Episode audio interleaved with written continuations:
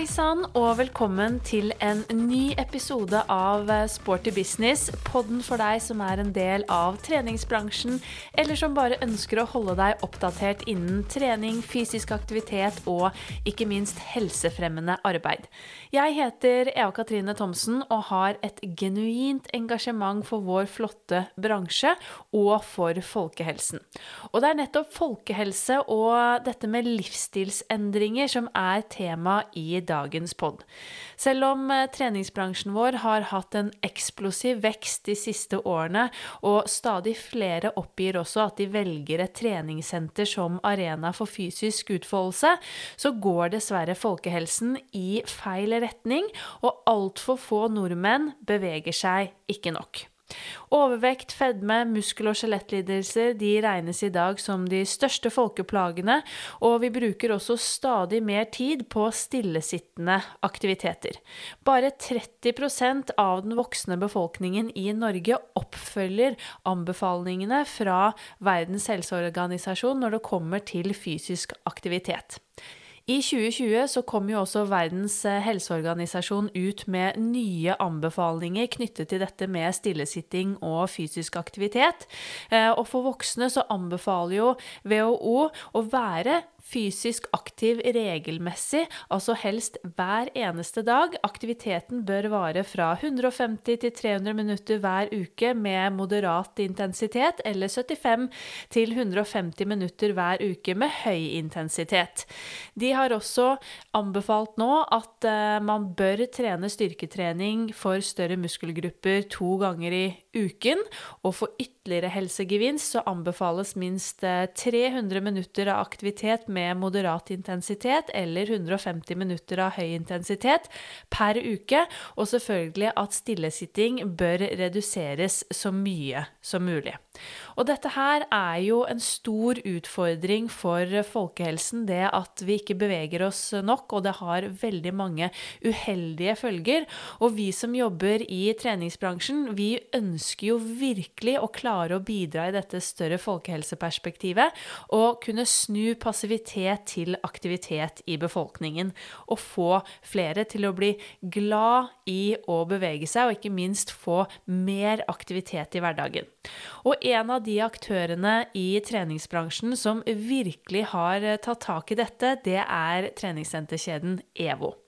Høsten 2021 så satte de i gang sin egen pilotstudie, der de fulgte en kunde gjennom ti uker med tilpasset trening og kostholdsveiledning for å se hva som skal til for at enkeltmennesker klarer å gjennomføre og ikke minst opprettholde trening etter en eh, livsstilsendring.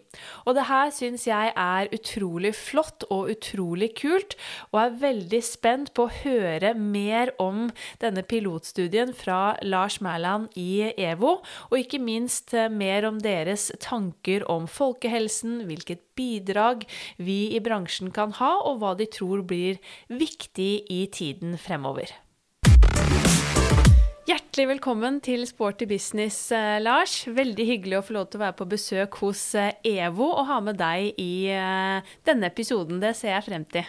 Tusen takk for at jeg får lov å være med. Det er en ære. Jeg har hørt noen episoder opp igjennom, og da er det alltid gøy å få lov å være med og delta. Ikke sant? Dere har jo deres egen podkast også, men nå får du lov til å være gjest. Så det er veldig hyggelig. Men kan ikke du gi en liten sånn introduksjon til lytterne våre om hvem du er, og hva du jobber med? Jo, eh, mange kjenner meg nok eh, som fysisk trener Lars Mæland. Eh, jeg liker sjøl å si at jeg er en, en hybrid i bransjen. Eh, men jeg er nå 36 år. Jeg glemmer også av og til alderen min, men jeg er 36 år. Eh, og eh, er fra Hardanger, Øystese. Har en liksom miksert dialekt av alle ting. Eh, så noen tror jeg er fra Haugesund, og noen tipper òg Sørlandet, men det er fra Hardanger. Så den er litt sånn forvirra, rett og slett. Så dere får bære meg med med det. Har bodd i Oslo nå i snart ja, 16 år. Og det er egentlig der karrieren min i treningssenterbransjen òg starta. Eh, Utdanna fra Idrettshøgskolen i eh, sportmanagement. Og så har jeg en ett år i den fitness deltid, eller fitness aktiv, som det så fint het tilbake i tid. Mm. Så jeg er faktisk utdanna gruppeinstruktør, dvs. Si sykkelinstruktør. Du er det, ja. Ja, altså det bør være i din eh, gate. Eh, Ja, ikke sant? Da inviterer jeg deg på, inn i en spartum, da. da. Ja, sant. Jeg har hatt noen Vi har jo kryssa våre veier til dels. Altså jeg har hatt noen gruppetreningstimer på Myren sportssenter. Ja. Eh, både spinningtimer, men òg styrke- og sirkeltreningstimer. Det, er Ja, på en måte, det ligger jo litt nært mitt hjerne. Hjerte, heter Mm. det så fint. Men ja, begynte karrieren min i, i SATS i 2005. Den gangen som en treningsveileder, som det så fint het. Eh, og som var en, egentlig en fin intro til å bli personlig trener. For Da Mm. fikk man jo prøvd og feila litt, hvis man kan si det. Både i forhold til å lage program og avdekke behov og målsetning, og gjennomføre økter, ikke minst, da, med riktig teknikk og Mm. ivareta de medlemmene. Så jeg begynte borti gata her, eh, på EVO Nei, ikke EVO, SATS Sjølyst. Eh, I sin tid. Mm. Og så fortsatte jeg på Myren sportssenter, og så begynte jeg i EVO i 2010 som da personlig trener sammen med Henning Holm, som mange kjenner til fra Mm. FPT. Og var der i ca. fire år. Og så har jeg hatt uh, ca. seks år som fysisk trener for alpinlandslaget. Spennende. Men i dag så jobber du da fulltid i EVO, og du har lagt eh, gruppeinstruktørkarrieren på hylla, skjønner jeg. Men eh, kan du ikke fortelle litt om hva du gjør i EVO i dag? Jo, I EVO så er tittelen min produktdirektør. Vil si ansvarlig for alt som har med mm, treningsopplevelsen, egentlig, sånn overordna sagt. Innunder treningsopplevelsen så er jo våre personlige trenere en del av. Det de tilbyr og det de gjør ute på klubbene våre, rett og slett. Um, så jeg er med aktivt i forhold til rekruttering. Hvilke personer skal vi ha, og hvilke hva skal si, form skal de ha? Eh, hvilken bakgrunn og hva som passer i de ulike teamene rundt på de ulike sentrene. Jeg jobber tett med en kollega på det som har med utstyr, dvs. Si hvilke utstyr skal vi ha, og hvordan skal det være utforma så vi får en så god opplevelse for våre medlemmer på senteret. Så det er en flyter en helhet i det. Og så jobber jeg tett med, med markedsavdelingen for å knytte det som har med produkt, treningsdelen, og marked, eh, medlemskap og salg av medlemskap i en litt tydeligere rød tråd enn det vi har per i dag. Så det er noe vi jobber fremover med, å, få det knytta enda bedre sammen. Ja, ikke sant. Har du egne PT-timer fortsatt også? Ja, det har jeg, og det er jo noe av det som ligger mitt hjerte nærmest. Å være på, på gulvet og praktisere. Og det eh, er kjempekjekt. Så jeg har noen eh, fysiske timer, eh, avhengig litt av ukene, men én til tre i uka. Og så har jeg noe online coaching-oppfølging som jeg følger opp noen av de idrettsutøverne jeg har hatt eh, gjennom årenes gang. Eh, og da går det mer på programmering og mer sparringspartner for hva man bør gjøre i ulike setninger. Ja, alt fra form, formtopping til rehabilitering etter skade og generell eh, si, trening og programmering, rett og slett. Ikke sant. Men hva vil du si er det aller beste med treningsbransjen da, etter at du kom inn i denne delen som trener? Eh, Det beste er nok folka. Altså, det, det, det er jo en liten familie, rett og slett. Eh, Nå har vi hatt ja, hvor mange år blir det? 17 år i bransjen, så man har jo blitt kjent med veldig mange. Både fra toppidretten, i og med at jeg har vært der noen år, før jeg nå kom tilbake igjen til EVO. eh, Og så er det nok folkene som er det mest, eller beste, egentlig. Eh, jeg- Greit, ja, man får lov å jobbe med hobbyen sin eh, på mange måter. Det, det er jo ikke alle som får lov til, og det gjør man at man syns det er ekstremt gøy å gå på jobb. Stort sett. Ikke Ja. hver dag, men stort sett. Må være ærlig på det òg. Så, så er det nok rett og slett eh, Ja, det å møte morsomme folk, interessante folk som har på en måte litt av de samme interessene og lidenskapen. Mm, virkelig. Men dere i EVO dere jobber jo som alle andre i bransjen med å inspirere folk til mer bevegelse i hverdagen, til en sunnere livsstil. Og noe jeg har snakket med veldig mange om i denne podden, er jo nettopp hvordan kan vi gjøre det bedre i treningsbransjen, og hvordan kan vi klare å få enda flere folk f.eks. inn på sentrene våre eller i eh, aktivitet. Og dere har jo faktisk liksom tatt tak i dette på en litt sånn ny måte og gjort et eget lite pilotstudie eh, med en kunde. Så der satte dere i gang høsten, eh, eller i fjor høst, da, 2021. Eh, dere har da fulgt kunden Trude. I ti uker, eh, med da eh, kosthold og trening og oppfølging. Kan du ikke fortelle litt om liksom, hvordan denne ideen kom til, og hvorfor dere ønsket å sette i gang med et sånn eget lite pilotstudie?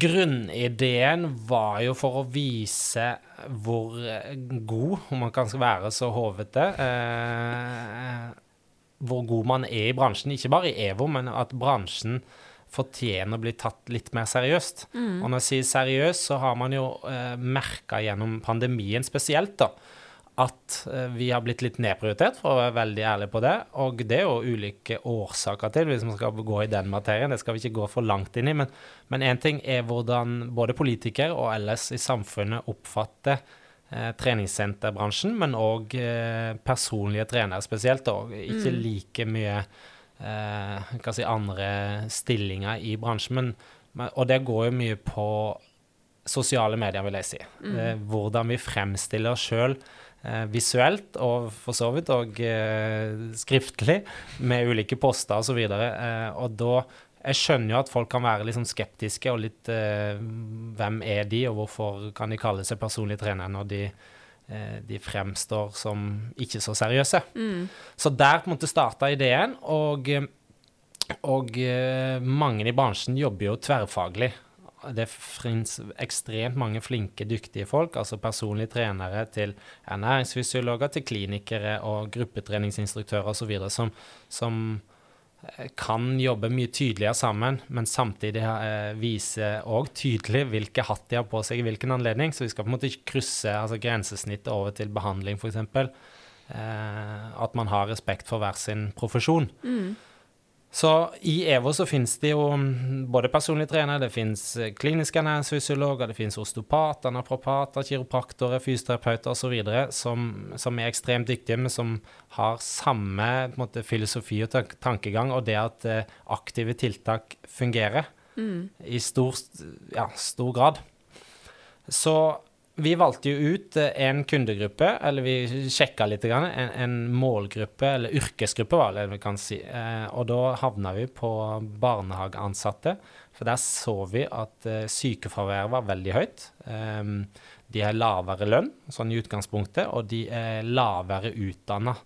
Sånn gjengs for hele bransjen. Ikke at det er negativt, men det gjør at man stiller, kall det litt eh, svakere i en del anledninger. Én ting er å kjøpe personlig trenerteam, som koster litt. Grann. Mm. Eh, så må man jo avdekke hvilke behov man har der, og, og kalle det bryte ned litt, og hva man faktisk får igjen for eh, det man eh, betaler. Og så er det rett og slett sykefraværet som på en måte var viktigst. Og det å senke sykefraværet med aktive tiltak, trening, fokus på kosthold, så var vi ganske sikre på at vi skulle få frem et veldig viktig poeng, og det var vi i EVO og bransjen kan hjelpe til med for å rett og slett støtte en, en sånn type yrkesgruppe da, som kall det er i jeg vil si faresonen, for å bruke det uttrykket, i forhold til utviklingen som har vært de siste årene. Mm. Skjønner. Men når du da når dere, Eller hvordan fant dere Trude, egentlig? Hvordan gjorde dere den eh, jobben? Nei, det var litt tilfeldig via, via, via. Ja. Så, så, mm, det var tre ledd ut. Så uh, rett og slett vi ville finne noen som jobba i barnehage, som var villige og ikke minst hadde tid og mulighet til å stille opp på tre økte uker som vi hadde, uh, med fysisk trening sammen mm. med meg.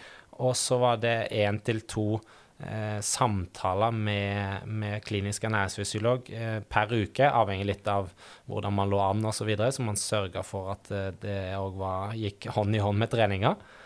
Eh, og så var det at vedkommende var i riktig alder, det vil si var i riktig alder, men en som var i hvert fall eh, voksen, og som på en måte hadde levd noen år, og som kanskje òg hadde erfaring med egne barn. Ja. Eh, og Trude her, som vi valgte ut, hadde tre barn. Hun var 36 år. Eh, så hun på en måte passa egentlig perfekt. Og i tillegg så var hun da det vi kategoriserer som inaktiv. Dvs. Si hun var ikke, trente ikke regelmessig, og hun hadde heller ikke trent regelmessig de siste årene. Så hun hadde fått kjent litt på hva det har med motivasjon og litt sånn vondte plager her og der. Selv om hun er ung og for så vidt aktiv i jobben, så var det ikke spesifikk trening. Og så var det liksom bevisstgjøring rundt kosthold eh, som hun kunne ta med seg inn i jobben som barnehage jeg gjør i gåsetegn, tante.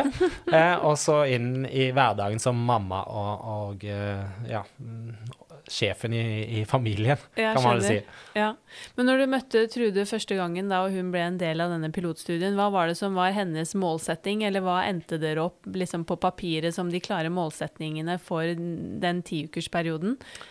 Ja, viktigste for oss var jo at hun skulle eie målsettingen. Vi skulle på en måte ikke si hva vi ønska å få ut, for det måtte hun sette ord på. Så derfor var det veldig gledelig at hun, hun starta med å si hun ønska å få tilbake den energien hun hadde eh, tidligere. Eh, både før fødsel av de tre barna, men òg underveis, av, i hvert fall mellom nummer én og nummer to, for det var noen år mellom nummer to og tre. Eh, så det ville hun liksom få tilbake igjen, og så ville hun bli kvitt noen sånne småplager, vondte, som hun liksom holdt henne litt tilbake igjen fra full aktivitet i barnehagen. Og de som har vært i en barnehage, de vet sikkert Nå har ikke jeg vært eh, jobba i barnehage, men eh, det, det er nok, jeg tipper det er ganske aktivt og mye hopp og sprell og hit og dit og krype og høyt og lavt osv. Og, så og det, det krever jo at man må være i hvert fall i en viss form. Mm, og mye Eh. løft og bæring og Ja, ikke minst. Så det var jo noe som hun satt, eh, satt ord på. Og så vil hun få tilbake en sånn litt treningslyst. Det vil si, eh, lysten eh, satte jo vi i sammenheng med fremgangen. Det vil si at hun følte seg litt sånn sterkere, fikk litt mer synlige muskler, som hun òg satte ord på. Da ville hun få liksom mer lyst tilbake til å fortsette jobben. For det, dette prosjektet eh, eh, varte i ti uker, og vi ønska jo selvfølgelig at hun skulle fortsette å trene. Eh, og på en måte holde opp motivasjonen. Kanskje ikke tre ganger i uka, men i hvert fall si to ganger i uka. da, Så har man, så har man fortsatt muligheten til å få litt fremgang. Og så var det en bonus eh, hvis hun klarte å gå ned i vekt og, og få litt mer eh, Endre kroppssammensetning, da, få litt mer synlige muskler. Og det veldig enkelt sagt så vil det si å få eh, opp muskelmassen litt og, og ned med fettmassen sånn i utgangspunktet. Ja, Du nevnte at dere trente da tre økter sammen i løpet av disse ti ukene. Hva slags eh, trening besto de øktene av? Eh, vi starta perioden med, med litt testing, så vi hadde et uh, utgangspunkt. Eh, og nå gjorde vi ikke noen avanserte tester, men vi gjorde noen en standardiserte styrketester som, som testa både bein og overkropp og litt kjerne. Og så gjorde vi en standardisert test som heter Cooper på utholdenhet, kondisjon, som de fleste har vært gjennom på ungdomsskolen eller videregående, eller man har et resultat å gå ut ifra. Og det, den styrer man i utgangspunktet veldig sjøl. Dvs. Si hvor fort hun løper hvor lang, eh, langt hun kommer, er rett og slett eh, basert litt på hvor vondt man vil ha det og klarer å ha det. Så, så det var liksom kondisjon. Og så testa vi da kroppssammensetning sammen med, eh, med KEF, altså en klinisk ernæringsfysiolog. Opplegget videre var en gang i uka så hadde vi styrke helkropp med standard eh, på en måte oppsett. Det var et sted mellom seks til tolv repetisjoner avhengig av øvelse, og tre til fire sett.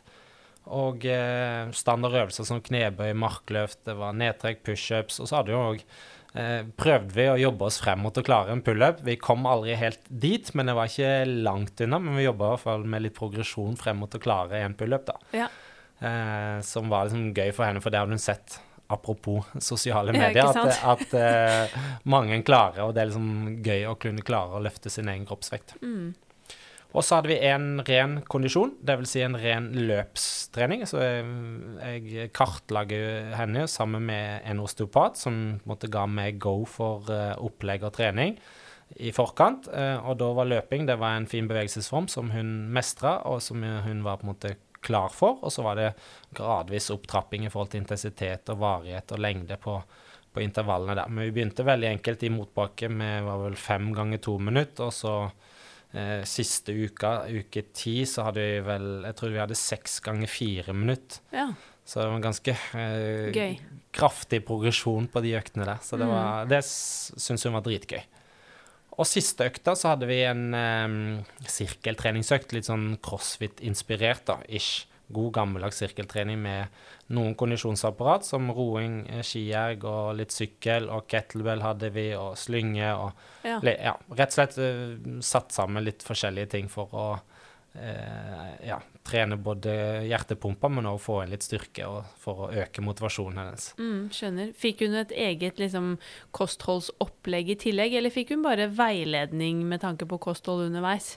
Selve opplegget der var mer basert på veiledning, det vil si vi gjorde, eller vi, eh, med Frida, som jeg er ernæringsfysiologen hennes, satte henne opp på et, et veldig enkelt oversikt på eh, makro. Så vi hadde fullt fokus på hvor, hvor mye fordeling skulle være, eller hvordan fordeling på makro skulle være, altså fett, protein og karbohydrater. Ja. Men utover det så var det mer sånn på tips på, på måltid, hvordan du kunne sette sammen måltid. Men det er ingen strukturert 'dette her må du spise, sånn må du spise' i løpet av hele dagen. Nei. Så det var For det hadde i utgangspunktet vært litt vanskelig å få til med tanke på livssituasjonen med tre barn og eh, barnehage og hektisk hit og dit og henting, og ikke minst og trening tre ganger i uka med meg. Ja. Så det gjorde at vi valgte en litt sånn enklere, safere løsning. Mm. Og så registrerte hun alt det hun spiste i, i en app for å få liksom, oversikt. Og det òg er jo uh, viktig å ta med seg. altså Det er bevisstgjøring rundt hva man faktisk putter i seg i løpet av en hel dag. Mm. Så der ble hun overraska i starten når hun bare registrerte det hun normalt spiste, kontra det hun etter hvert liksom endte opp med å spise. Ja. Så spiste hun faktisk mye mer mat, men mer, eh, mer riktig innhold og, og, på en måte riktig fordeling, da ut ifra hvilken og hvilke dager vi skal ha. Så litt sånn enkelt sagt, en liten digresjon, så hadde vi mer, for mer karbohydrater på de dagene hvor vi skulle ha løpsintervaller. Ja. Så vi visste at hun hadde nok energi til å kunne fullføre den treningen hun skulle gjennomføre. Mm. Og da er jo det spennende. Åssen gikk det med Trude i løpet av disse ti ukene? Nei, eh, det gikk veldig bra. I hvert fall vi er veldig fornøyd, og ikke minst er Trude ekstremt fornøyd. Så hvis jeg snur det, da, så starter med det siste vi snakka om, så går det jo på kroppsvekt og sammensetning. Så, så var det ca. Nå har jeg ikke helt gjort det, men ca. 9,4 kilo ned, var det det? 9,5 ja. kilo i, i, kroppsvekt, så det vil jo si eh, ja, nesten en kilo i uka. Ikke sant? Som er ganske mye sånn i mm. utgangspunktet. Man anbefaler et sted mellom en halv til en kilo i uka, avhengig av utgangspunkt og målsetting, selvfølgelig.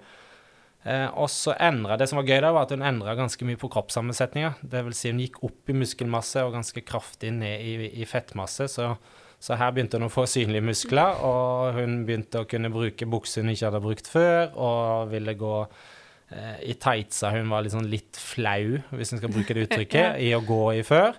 Så det var dritgøy. Og så, ikke minst, så fikk hun tilbake litt av den her energien og iveren av å trene. Så, så hun la jo opp til noen økter aleine imellom her, så egentreningsøkter når vi var ferdige, så, så oppretta vi en, en Strava-profil på henne, ja. eh, til henne, som hun legger ut litt treningsøkter. For de som ikke kjenner til Strava, så er det ja, Kall det Instagram bare for kondisjon. hvor man er ute og henter kudos og, og anerkjennelse for den treninga man gjør.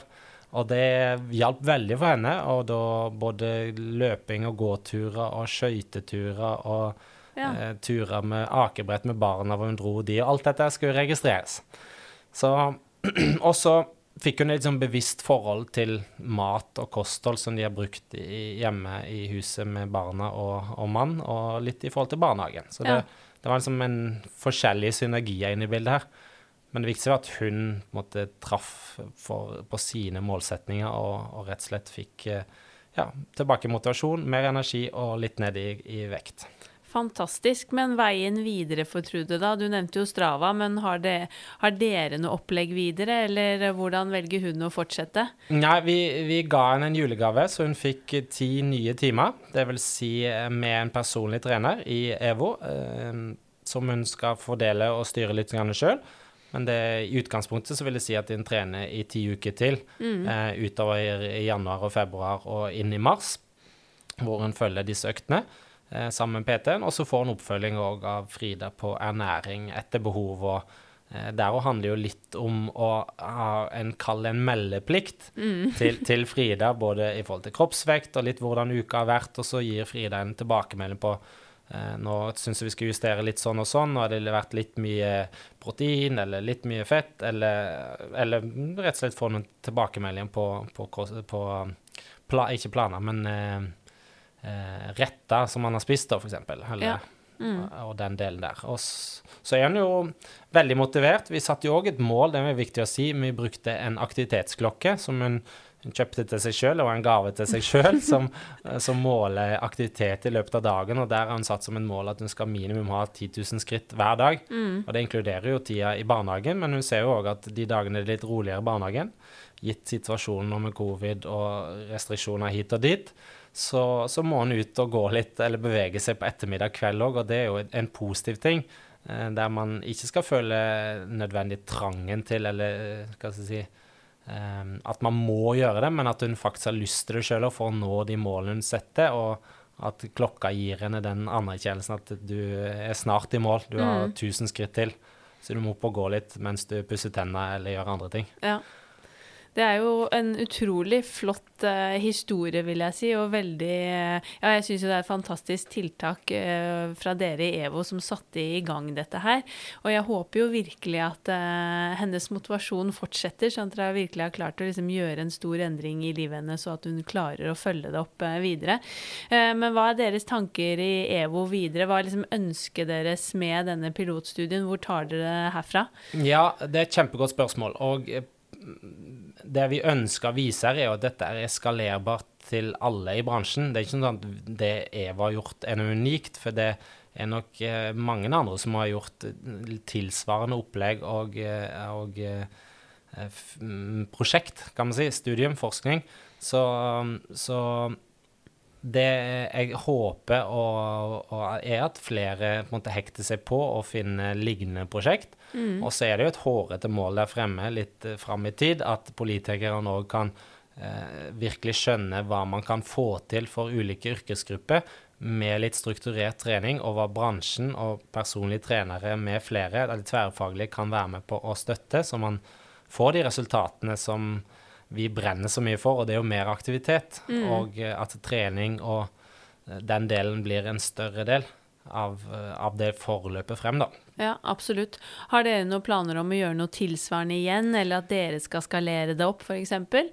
Ja, vi har mm, diskutert det og prata om det. Dette er jo, det er jo en kostnad bak det, selvfølgelig, så det må være liksom kost-nytte.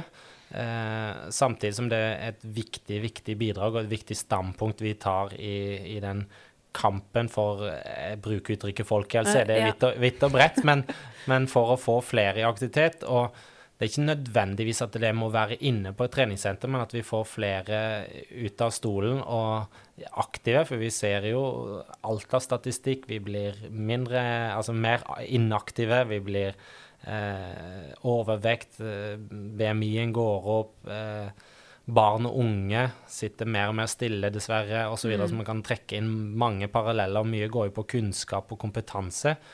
Men hvis vi alle på en måte i utgangspunktet prøver å ønske å dra i samme retning, og det vil si tilby noe som gjør at folk eh, ja, si folk flest, da, eh, syns det er interessant, og de har lyst til å være med og ikke bidra, men være med og i, i den aktiviteten, da, kan mm. vi si. Ja. Ja, alle vi i bransjen ønsker jo liksom få til dette, og, og de fleste av oss syns jo at aktivitet og bevegelse er kjempegøy, og vil jo gjerne liksom inspirere andre, men så ser vi jo at det er veldig vanskelig, og det er vanskelig spesielt for folk som ikke har vært særlig aktive, eller til å faktisk få til en hel livsstilsendring, da. Lærte du noe nytt selv som PT i denne pilotstudien med Trude i møte med henne? Ja, og eh, for så vidt man blir mer bevisst på hvor viktig det mennesket du har foran deg, er. da. Altså Man må møte det på dem sine premisser, og så har man en del eh, forutsetninger som man jobber ut ifra. Eh, faktorer med, med, hvordan man programmerer, hvordan periodisering og hva vi på en måte veit i teorien skal til for å nå det målet. men hva hadde skjedd her hvis hun hadde blitt skada? Eh, nå fikk hun for så vidt en liten setback underveis, for hun fikk covid, vi, ja. eller korona. Så vi hadde jo en liten periode der vi ikke fikk gjort så mye, og hun var um, isolert. Og da var det jo å aktivisere litt gjennom online eh, og, og FaceTime og på en måte gjøre noen øvelser hjemme, så vi ja, ikke ble satt for mye tilbake, selv om jeg var ganske iskald på at vi likevel skulle klare å nå målene våre med, med riktig fokus på de ukene vi hadde. Så nå datt det litt ut, men eh, Jeg tenkte, ja, ja, jeg tenkte liksom om du på en måte Om det gikk opp noen Kanskje noen nye lys, eller om du lærte noe av Trude i møte med henne med tanke på For jeg tenker jo at det er jo litt vanskelig for oss kanskje, som elsker aktivitet, Mm. eh, i hvert fall stort sett, eh, og klarer å identifisere oss med og forstå hvorfor det kan være vanskelig da, for andre å få det til. Ja, der var vi enige igjen. Eh, Og, og det å det mennesket du har foran deg, og møte dem på dem sine premisser, eh, og der er det jo Folk er jo vidt forskjellige, så en av de viktige egenskapene som, som personlig trener og gruppetreningsinstruktør og andre som jobber på treningssenter, er å, å øh, være god på relasjoner, relasjonskompetansen, kan man si. Eh, personlige egenskaper. Det å se folk og si hei, det kan være mer enn nok. Å lære navn kan være det enda et steg. Og så er det å, å klare å avdekke det behovet som man vet hva man skal hjelpe dem med. Og Trude var ikke noe unik i den forstand, men hun var veldig positivt innstilt på å legge ned den jobben som skulle til. Eh, og så må man da være god eh, pedagogisk på å, å utnytte den motivasjonen til, til syvende og sist. Og så må man jo være ærlig underveis. Det tror jeg òg er en viktig egenskap på at det er noen fartsdumper underveis som man vil møte i denne jobben her. Selv om vi òg syns det er ekstremt gøy med trening, stort sett, så har vi jo våre tunge dager hvor trening ikke er like gøy. Og det, eh, det er nok der mange til dels kan gi litt opp, når man møter de fartsdumpene og de vanskelighetene.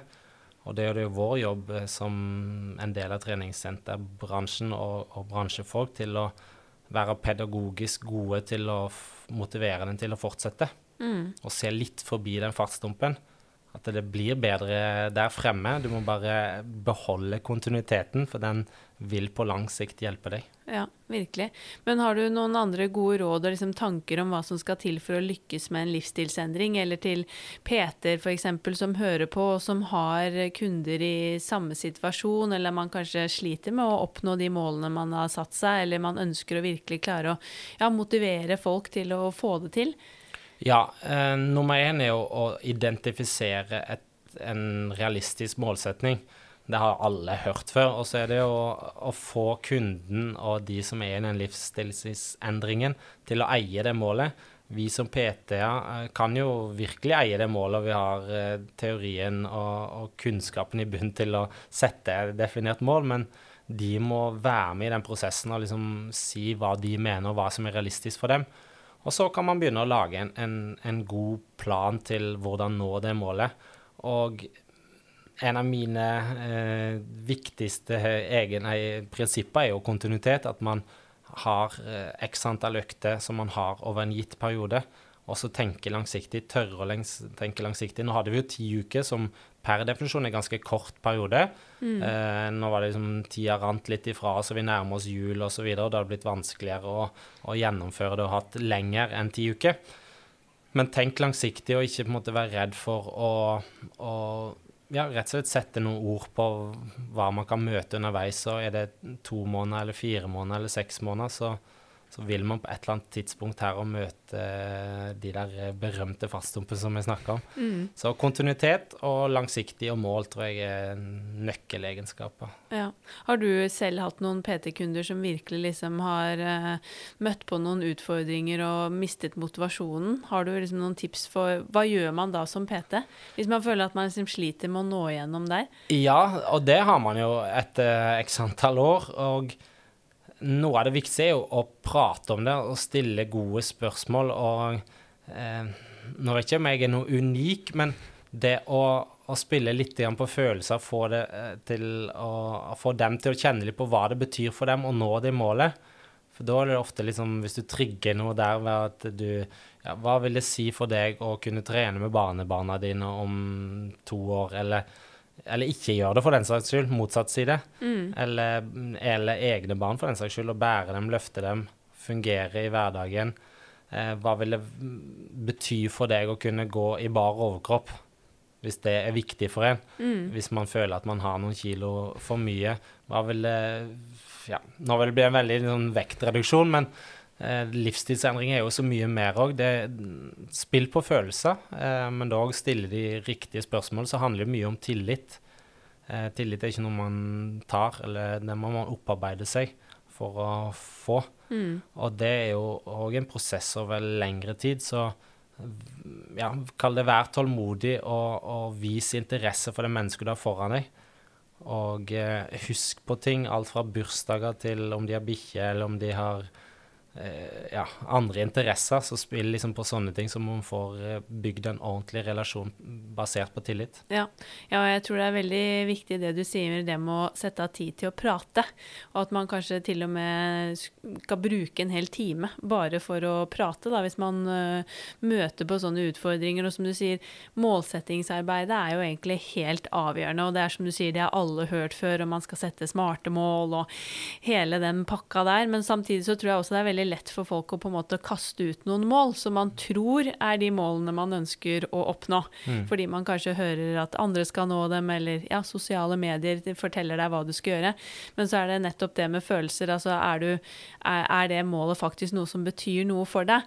Og jeg hørte jo bl.a. i altså, våre gode bransjekollegaer Tommy Lande og Alexander Aalerud, som også har en podkast, Litt for personlig trener, hvor de snakket om dette med målsetting og den, eh, den biten hvor Alexander eh, trakk frem dette med at én ting er hva man vil, men er man villig? Mm. til å gjøre det som skal til.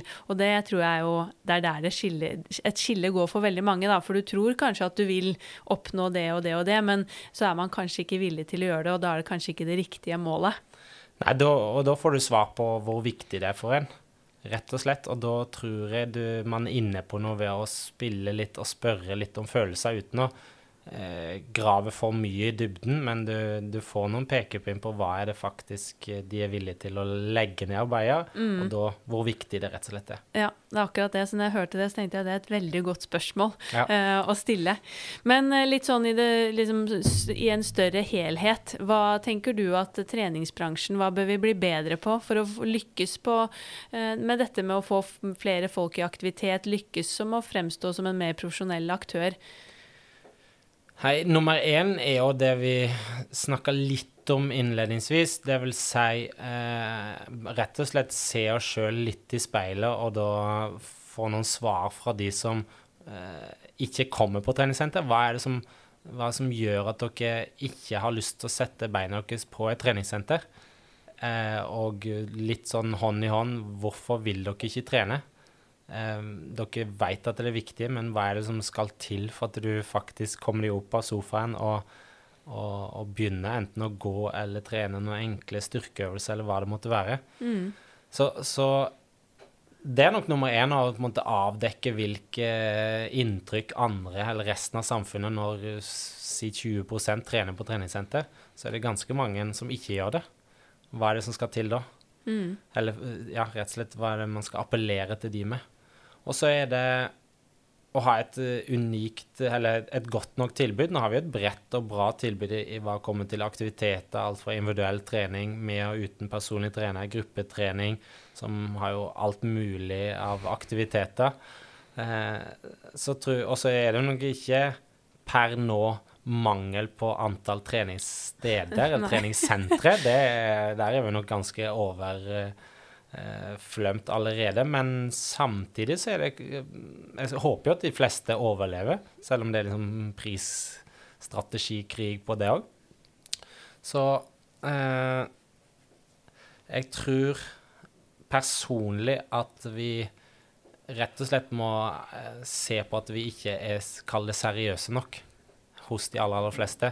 Og inntil politikerne spesielt skjønner det, så er det vanskelig å få folk flest med på det. Mm. Så fortsett å gjøre det gode arbeidet vi gjør nå, med gode formidling av praksis og teori i artikler på, i VG, i Dagbladet, eh, på sosiale medier, selv om man der òg skal være liksom påpasselig med hva man sier, og hvordan man sier det.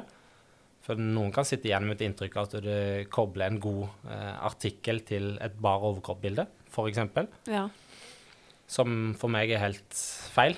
Og da kan det programmet eller artikkelen være så godt det bare vil, men det du sitter igjen med, er at han eller hun eh, fremmer seg sjøl med ja, svulmende store muskler, f.eks. Ja, ja. Og så er det å fortsette med podkast som det her, der man får god kunnskap, eh, treningsmagasin som er seriøse, og så er det rett og slett å fortsatt å utdanne gode personlige trenere. Også i den samme sammenheng der at de òg Vi sikrer oss at de er gode på det som har med relasjonsbygging. Mm. Fag er viktig, misforstå meg rett, men De myke egenskapene, yes, de takk. er like viktige. der kvinner stort sett er bedre enn menn, sånn i utgangspunktet, så er det noen egenskaper som PT-er spesielt, og gruppetreningsinstruktører bør inneha Mm. for å, rett og slett få gjort en, en god jobb. Ja.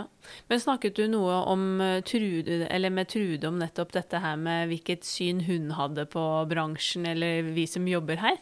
Ja, eh, jeg måtte jo spørre om det, og eh, hun satte jo fine ord på det. Hun trodde det var enda mer sirkus, som hun brukte, brukte det uttrykket der, enn det er.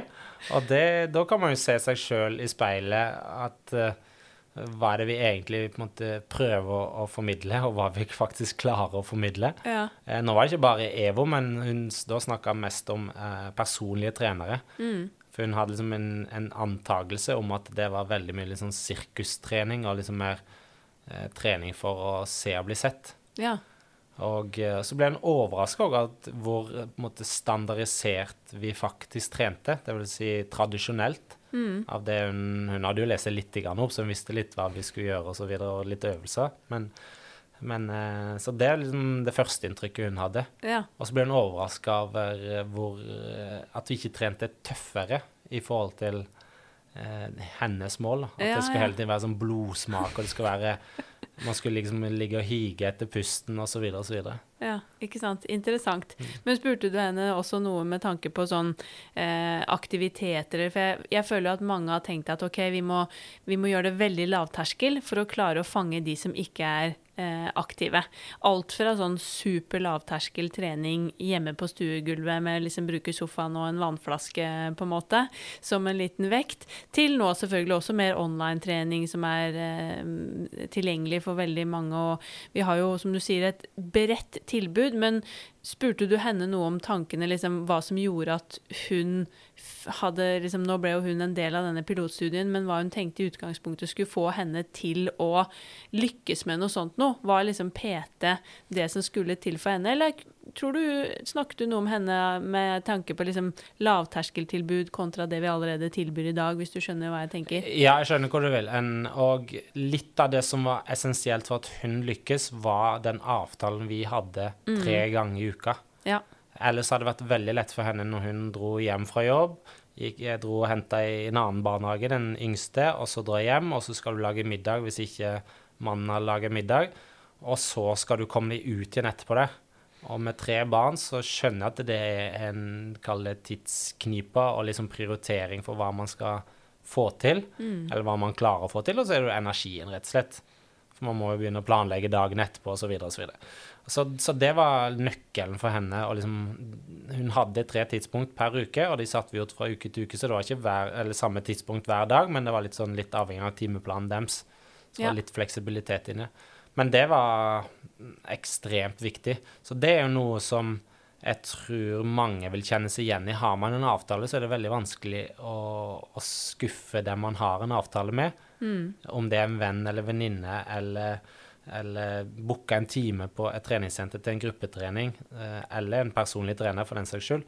Så da har man liksom en avtale. Den avtalen er ikke kanskje like sterk hvis man gjør det med seg sjøl, men jeg tror det har litt å si. Så lenge man har satt av den tida i, i sin egen kalender og timeplan, så er det kanskje litt lettere å få det gjennomført. Eh, og så er det jo for mange viktig hva man fyller det med, selvfølgelig.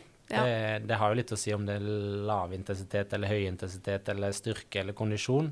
Ja, men for de aller, aller fleste så har det nesten ikke noe å si så lenge man beveger seg litt og får ja, en viss form for trening. I hvert fall i en startfase så får man heller begynne å planlegge og strukturere det litt mer jo lenger man kommer. Ja, det er akkurat det. Ja. Møte og avtalen med deg og oppfølging, og det tror jeg er veldig viktig, og det er jo tror jeg, det som skal til hvis vi klarer å i hvert fall få vekke interessen eller få de inn på sentrene våre. Det å virkelig klare å følge de opp fra dag én. Eh, hun som jeg hadde med i første episode i denne sesongen her av podden, hun, uh, jeg spurte henne om noen tanker for bransjen videre, Marion Aavik, og var, hun kom med et morsomt uh, forslag om at vi skulle ha sånn fadderordning på treningssentrene. Ja. vet ikke helt hvordan vi skulle gjort det i praksis ennå, men det er jo egentlig en veldig interessant og morsom tanke. Nettopp for at nye kunne blitt fulgt opp, rett og slett av en type fadder. Det blir jo nesten litt som den treningsveilederen vi har mistet, som vi hadde før. Ja, eh, det var jo litt av den rollen jeg hadde, eller følte jeg hadde, når jeg begynte i Sats i sin tid. Så, så, følte man Man hadde jo noen avtaler, og så ble man liksom følgende rundt. Og så, og så var det jo bare én gang. Da hadde de mm. fått treningsprogrammet sitt, og så møtte du dem igjen seinere. Ja, ikke sant? Men da har du iallfall fått en god start, og det er jo der uh, personlige trenere i dag er veldig viktige på de aller, aller fleste treningssentre. Um, med at man får en god og myk start, og så er det noen som har et større behov enn andre. Mm. noen som ja, kan klare seg på egen hånd, og så er det å plukke opp de som ikke klarer seg på egen hånd. For det er jo de som egentlig burde fått eh, personlig trener, eller kjøpt personlig trenertime. Ja. Men som kanskje ikke har råd til det, eller ikke helt ser behovet, da, hvis man kan snu det eller at PT-en ikke har klart å avdekke det behovet tydelig nok at du bør kjøpe. Mm. Ja, Det blir spennende å se hva vi kan eh, få til videre. Men eh, eh, avslutningsvis, hva er eh, EVO sin visjon eller mål eller planer fremover, kanskje denne våren eller i et litt sånn eh, lengre løp?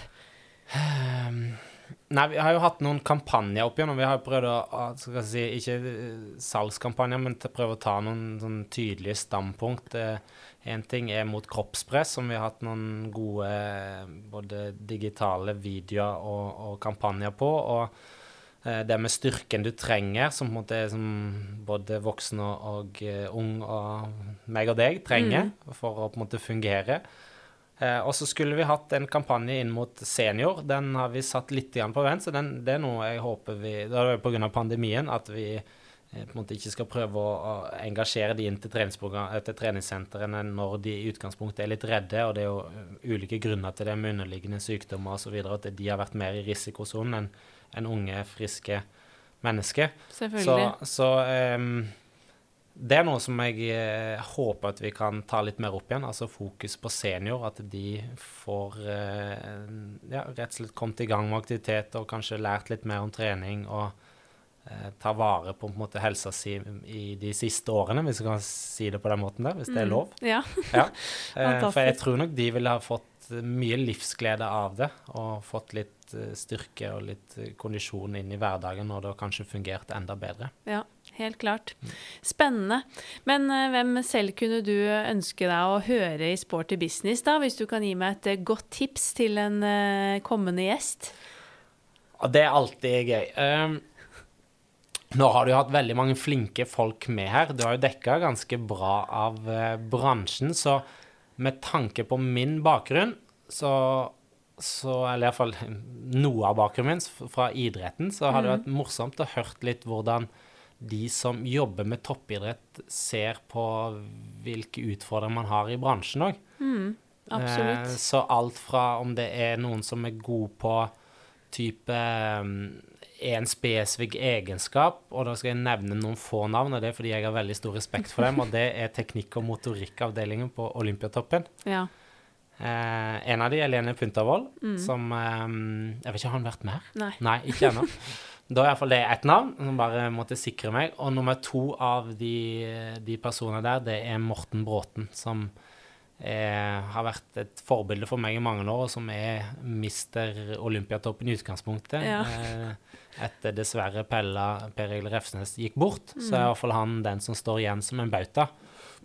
og som har vært der i alle år. Så de to kunne vært spennende å hørt om de har noen tanker på hvordan både bransjen og på trening og eh, det med lek og motorikk, hvor, da, hvor viktig det er for eh, utvikling. Ja, virkelig. Eh, både for barn og unge, men òg senior, som vi er litt inne på, og så for meg og deg som er kaller i midtsjiktet ja. i vår beste alder. Ikke sant? Liker at du la på den i vår Ja, beste alder. I vår beste alder. Yes. Riktig.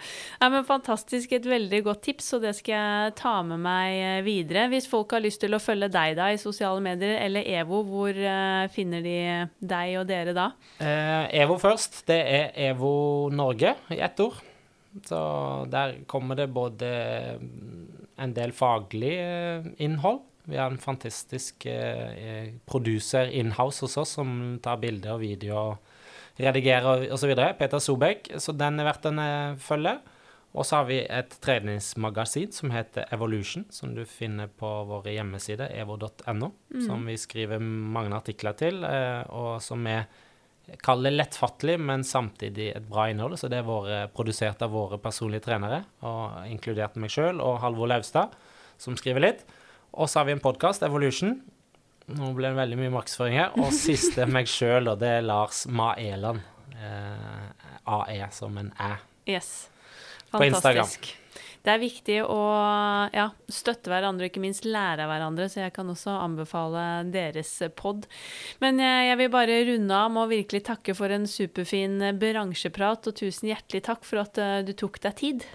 Tusen takk for at jeg fikk lov å være med, og så digger jeg initiativet om eh, vi trekker det i en retning fremsnakk. Det, det tror jeg òg vi i bransjen kan bli enda flinkere til. Eh, at man bygger hverandre opp og, og støtter hverandre. For vi, vi har i utgangspunktet det samme målet der fremme. Eh, og så er det forskjellige veier til rom, ja. Men eh, jeg tror hvis vi jobber sammen, så er det mye sterkere enn hvis vi skal prøve å stå på egne bein. Mm, helt klart. Tusen hjertelig takk. Takk sjøl. Tusen takk for at du lyttet til nok en episode av eh, Sporty Business podkast. Jeg håper du har fått masse inspirasjon inn på øret og er klar til å virkelig bare jobbe videre med å fremme folkehelsen i verdens beste bransje. Følg oss gjerne i sosiale medier på Instagram at Sporty Business Podcast, og bli med i gruppen vår på Facebook, som også da heter Sporty Business. Har du innspill, ta kontakt via Facebook eller Instagram, og så gleder jeg meg til å nok en eh, tirsdag dele en spennende episode med deg og en spennende gjest om nøyaktig to uker. Vi poddes! Denne podkasten produseres av Inspartum Akademi og North Stories.